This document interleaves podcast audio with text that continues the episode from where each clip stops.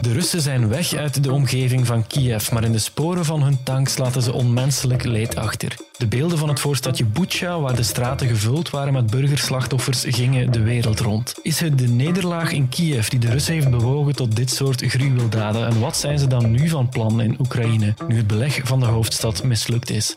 Mijn naam is Dries Vermeulen, dit is duidelijk. Duidelijk, de morgen.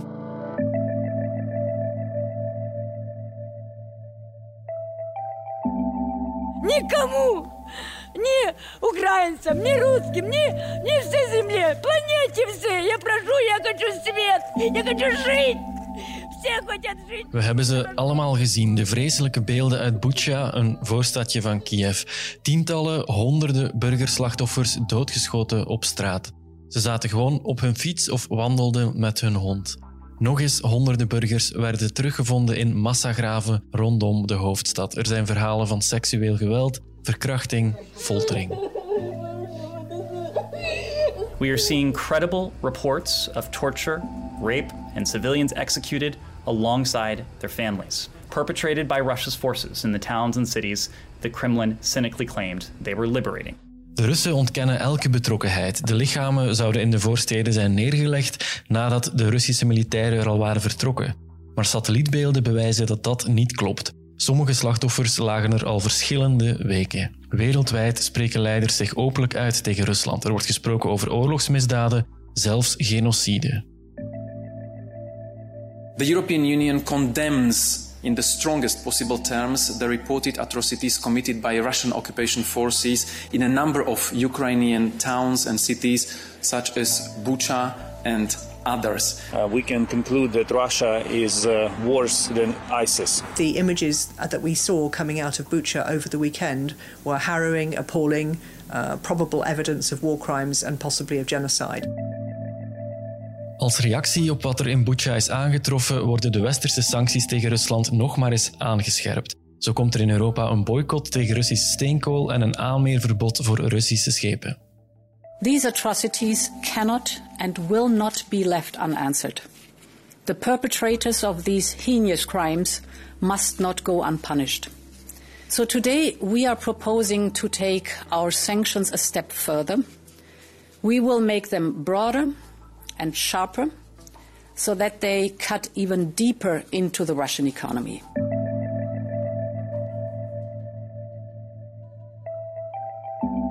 De gruwel rondom Kiev werd zichtbaar nadat de Russen vorige week de omgeving van de Oekraïnse hoofdstad begonnen te verlaten.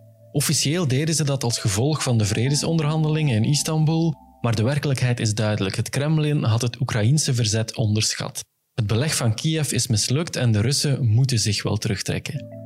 Is dit dan het gedrag van een gefrustreerd leger dat zich vernederd heeft zien worden door een op papier zwakkere tegenstander? En wat is dan nu de strategie van Rusland? Alle militaire aandacht focussen op de Krim en de Donbass, die al zwaar bevochten regio's in het zuidoosten van het land, de vrees is dat de Russische agressie daar nu ongeziene proporties zal aannemen. Maar zal Poetin zich wel tevreden stellen met dat kleine oostelijke stukje van Oekraïne, een land dat hij eigenlijk volledig wou innemen?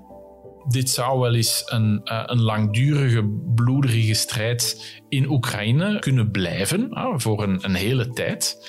Op een gegeven ogenblik zal dat natuurlijk tot iets van staakt het vuren komen, maar dat, dat moment is misschien nog best wel ver weg.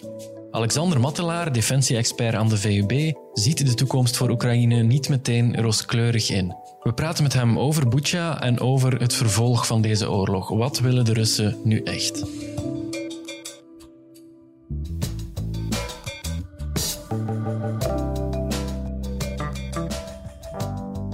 Professor Alexander Mattelaar, NAVO-expert, defensie-specialist ook aan de VUB. We hebben de afgelopen week gruwelijke beelden gezien uit Bucha, uit andere plaatsen ook in de nabijheid van Kiev. De burgemeester van Bucha die zegt wat hier is gebeurd is een wraakactie van het Russische leger dat verloren heeft in Kiev. Is dat hoe we dit moeten zien? De gruwel die we nu allemaal op, eh, op video hebben gezien, die, die zonder meer schokkend is, is misschien deels geïnspireerd door gevoelens uh, van, uh, van frustratie en, uh, en wraak. Rusland heeft zelf ook zware verliezen geleden mm -hmm. bij de belegering van, van Kiev. Maar toch is dat wellicht niet het, niet het hele verhaal. In die zin dat dergelijke gruweldaden, het zijn ook oorlogsmisdaden, komen helaas niet als een, als een totale verrassing.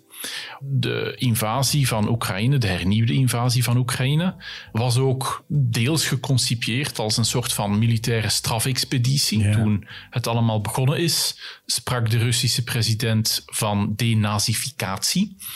Um, en wat Rusland of de Sovjet-Unie daarvoor met, uh, met de nazi's uh, heeft gedaan, was ook uh, het regime vernietigen. Dat idee van weerstand vernietigen, dat leeft ook heel diep in die Russische militaire strategische cultuur. In die zin dat uh, als Rusland gebieden bezet en zoekt te onderwerpen, zoals ze historisch wel vaker hebben gedaan in hun westerse periferie, of het nu in Oekraïne uh, dan wel in de Baltische Staten of, uh, of, of, Polen was, dan was dat altijd een, een zeer bloederig gebeuren. Het intentioneel doden van burgers past ook in een breder kader van alle mogelijke weerstand zoveel mogelijk uitschakelen en elimineren. Maar er zijn ook burgers doodgeschoten die bijvoorbeeld gewoon op de fiets zaten. Er zijn bewijzen van verkrachting bij vrouwen in hun eigen woning ja, dat zijn toch geen daden tegen mensen die, die zich verzetten of die echt een bedreiging vormden voor die Russische soldaten? Inderdaad, inderdaad. Er zijn op dit ogenblik een enorme hoeveelheid van getuigenissen van overlevende slachtoffers, uh, ooggetuigen in, in de regio van wat er allemaal is gebeurd. Het is gruwel die moeilijk voorstelbaar is. Maar tegelijk ja, past het in dat, uh, dat, dat bredere patroon dat we helaas uh, historisch herkennen van hoe Rusland met het onderwerpen van, van perifere gebieden zoekt om te gaan. Precies om mogelijke toekomstige weerstand uh, te elimineren. En in die zin zullen we die tactiek wellicht ook zien daar waar Rusland niet vertrekt, maar waar het ook ja, gewoon territorium zoekt te annexeren of blijven te onderwerpen, of misschien leeg te maken om dan later weer in een heel verwoeste toestand terug weg te geven voor andere diplomatieke winsten te boeken. Over de regio's die de Russen op dit moment nog wel bezetten, daarover zullen we het straks zeker nog hebben. Vorige week kondigden de Russen zelf aan we gaan Kiev verlaten of we gaan toch zeker onze aanwezigheid daar afbouwen. Is dat een toegeving die moet verdoezelen dat ze de strijd om Kiev eigenlijk gewoon verloren hebben? Ten dele wel, hè. Rusland heeft aanvankelijk met een zeer ambitieus operatieplan de oorlog gestart. Ja. Je had eigenlijk de belangrijkste aanvalsas vanuit het noorden, met als uh, objectief het ten val brengen van de regering in Kiev, de, de decapitatiestrategie, mm -hmm. zoals dat heette. Daarnaast was er de opmars vanuit het zuiden, met als belangrijkste objectief het creëren van een landbrug tussen het Krimschiereiland en de reeds bezette Donbassregio. Ja. En de derde as was eigenlijk vanuit het, het oosten eigenlijk zoveel mogelijk territorium uit te breiden om nadien misschien als diplomatieke pasmunt te kunnen gebruiken. Dat was ambitieus, en wat we nu weten, nu we zoveel weken verder zijn, is dat de, de Oekraïnse strijdkrachten hun beperkte middelen zoveel mogelijk hebben geconcentreerd om het allerbelangrijkste, namelijk hun hoofdstad, de zetel van hun regering, om dat intact te houden. Dat is eigenlijk zeer goed gelukt. De opmars naar Kiev, operationeel gesproken, was een falen voor de Russische strijdkrachten. Zij hebben daarbij ook zware verliezen eh, geleden. We hebben het ook allemaal gezien, die tanks die zonder, uh, zonder brandstof vielen en zo, ja, en dan precies, aan de kant bleven staan. Dat, dus dat komt niet echt heel goed over. Ja, de, de Oekraïnse schattingen geven aan dat, dat Rusland misschien tot wel 18.000 manschappen en een, uh, een 700-tal tanks in totaal reeds verloren zou hebben. Dat zijn duizelingwekkende verliezen. Ja. Misschien zijn die aantallen een beetje overdreven. Eigenlijk hebben we daar maar heel beperkt zicht op hoe mhm. groot de verliezen precies zijn. Maar ze zijn ontegensprekelijk grootschalig.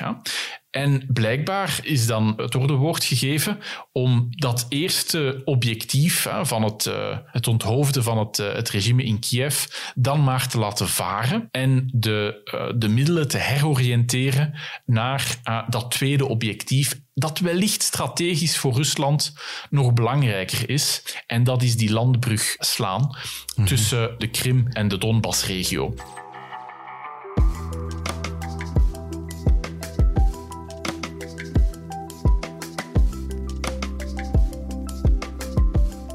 I certainly am not a spokesperson for the Kremlin and cannot speak to what is in Vladimir Putin's head. Uh, what I can say uh, is, of course, we have information that Putin felt misled by the Russian military, which has resulted in persistent tension between Putin and his military leadership. We believe that Putin is being misinformed by his advisors about how badly the Russian military is performing and how the Russian economy is being crippled by sanctions because his senior advisors are too afraid to tell him the truth. So it is increasingly clear uh, that Putin's war has been a strategic blunder that has left Russia weaker over the long term and increasingly isolated on the world stage.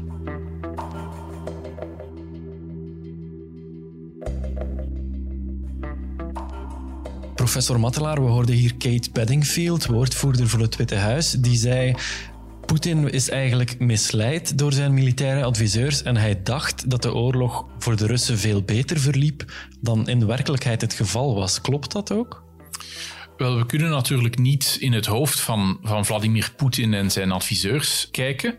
Wat wel waarschijnlijk is, is dat Poetin en uh, het regime in Moskou op snellere winst, op meer winst had gehoopt als het uh, nu al heeft kunnen realiseren. Ja. In die zin, die zware verliezen die Rusland op het terrein heeft geleden, komen misschien toch als een onaangename verrassing. En het feit dat de Russische strijdkrachten nu ja, van, van operatieplan moeten wisselen, hè, dat is toch een blamage. Dus ja. uh, Poetin is wellicht uh, gefrustreerd, boos op zijn, zijn adviseurs. Maar tegelijkertijd, Rusland wordt geleid door een president die nu al erg lang in het zadel zit die alle structurele oppositie in Rusland heeft, heeft weggedrukt. Dus Poetin heeft ook een systeem gecreëerd waarbij hij steeds minder tegenspraak is gaan verdragen. Mhm. En het paradoxale gevolg daarvan is natuurlijk dat ook Poetin zijn naaste adviseurs zich meer en meer terughoudend opstellen om hem het nieuws te brengen dat hij misschien niet graag zou horen. En uh, aan een soort van zelfcensuur doen, om toch maar ja, op, een, uh, op een goed blaadje te blijven staan bij de grote leider.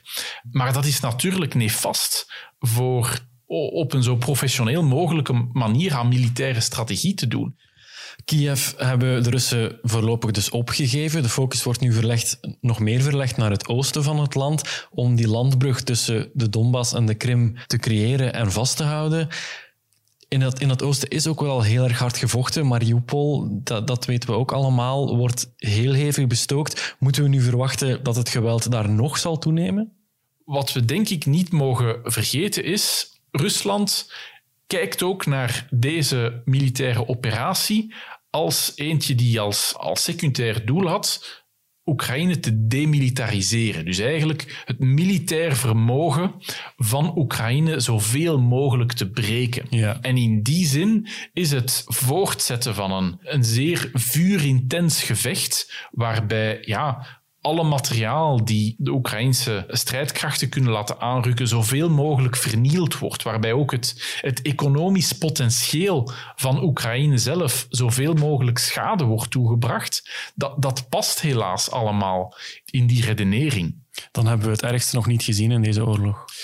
Ik vrees vooral de voorbije weken, uh, hoe schokkend als ze waren, zijn misschien nog maar ja, een, een eerste fase gebleken in een conflict dat mogelijk veel langer nog kan aanslepen. Ja. Rusland heeft ongetwijfeld wel de middelen om dit nog een, een hele lange tijd te kunnen verder zetten. Ook al op de heel lange termijn zal dat Russisch vermogen natuurlijk ook wel deels beginnen eroderen door die economische sancties dat Rusland opgelegd krijgt. Mhm. Maar dit kan best nog wel maanden zo doorgaan.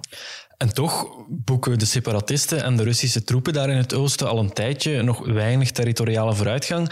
Acht u het realistisch dat de Oekraïners ook die gebieden weten te heroveren op de Russen? Wel, na de uitbraak van vijandelijkheden in 2014 heeft Oekraïne dat initieel ook, ook geprobeerd. Hè? Op dat ogenblik heeft Rusland heel veel vuursteun laten aanrukken en daar eigenlijk een stokje voor gestoken. Die ondersteuning is nu veel structureler geworden, nog veel omvangrijker. We zien nu dat de Oekraïnse strijdkrachten er wel in slagen de gebieden rond Kiev weer vrij te maken, maar dat is ook ja, nadat eh, de Russische bezetter eigenlijk de aftocht heeft geblazen. Ja, ja, dus dat, dat was eigenlijk een opmars met relatief weinig tegenstand. De Mhm. grote vraag is, heeft het Oekraïnse leger zelf nog voldoende offensief vermogen om tegen een, eh, een vijand die zich heeft ingegraven, die posities heeft ingenomen, om daar, daar tegenin te gaan en weer terreinwinst te gaan boeken. Op dit ogenblik hebben we daar heel weinig informatie rond.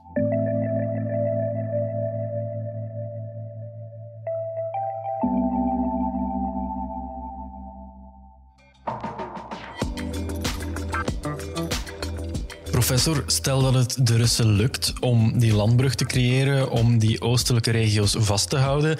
Is het dan daarmee afgelopen? Zal Poetin daarmee tevreden zijn? Of bestaat het risico dat ze daarna alsnog proberen om tot in Kiev te geraken? Wel, op korte termijn zal Poetin daar wellicht uh, tevreden mee moeten zijn, ja. omdat dat nu eenmaal het maximale resultaat bleek te zijn van wat hij op dit, om dit ogenblik kon realiseren met zijn militaire macht. Op heel korte termijn is het denk ik waarschijnlijk dat het daar even stopt. Ja. Dat wil niet zeggen dat de Russische ambities op middellange en lange termijn daarbij getemperd zijn.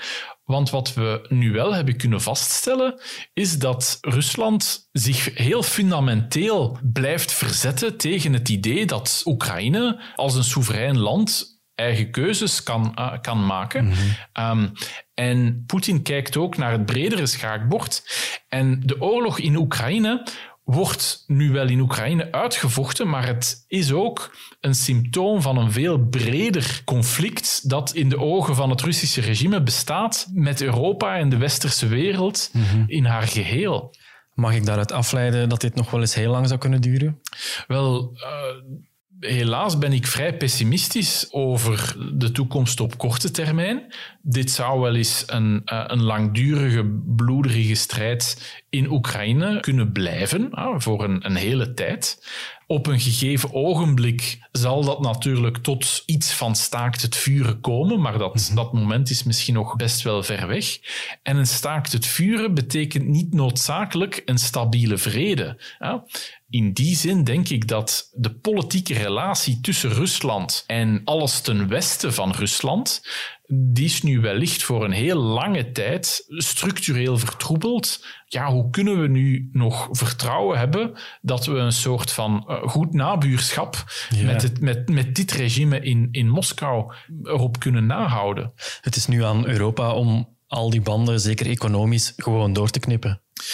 Um, dat is inderdaad de teneur van het beleid dat we vandaag zien. En met name in Europa zelf wordt er een, een heel hoog verwachtingspatroon gekoesterd van wat je met economische sancties kan bereiken. Al is dat wellicht niet zo heel veel, of toch zeker niet op korte termijn. We grijpen vooral naar sancties bij gebrek aan andere beleidsinstrumenten, ja, om, het, ja. uh, om het eenvoudig te stellen. Op een gegeven moment dient ook de, de diplomatie weer terug te komen, ook al ja. uh, is dat op dit ogenblik moeilijk voor te stellen, maar, maar die dag komt. Hè. Die moet ook voorbereid worden, want je moet weten waar je naartoe wilt.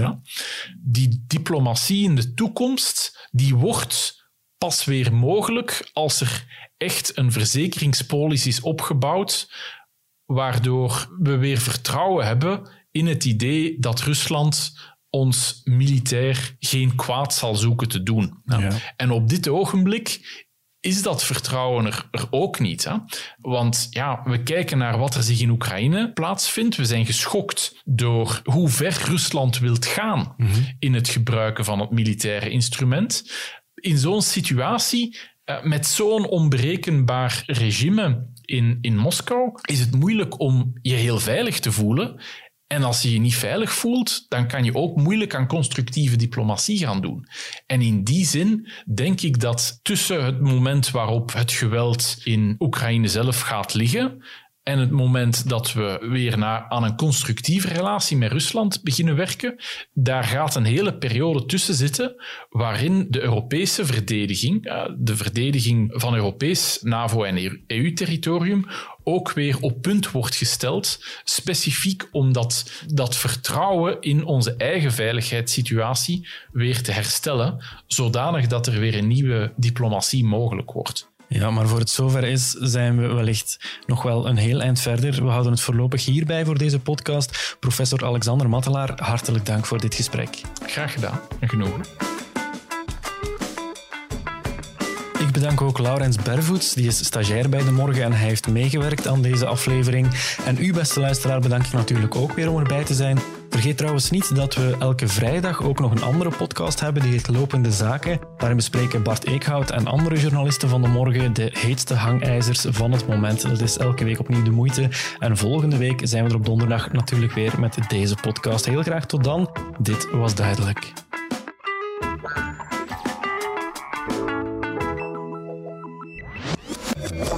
Duidelijk. De morgen.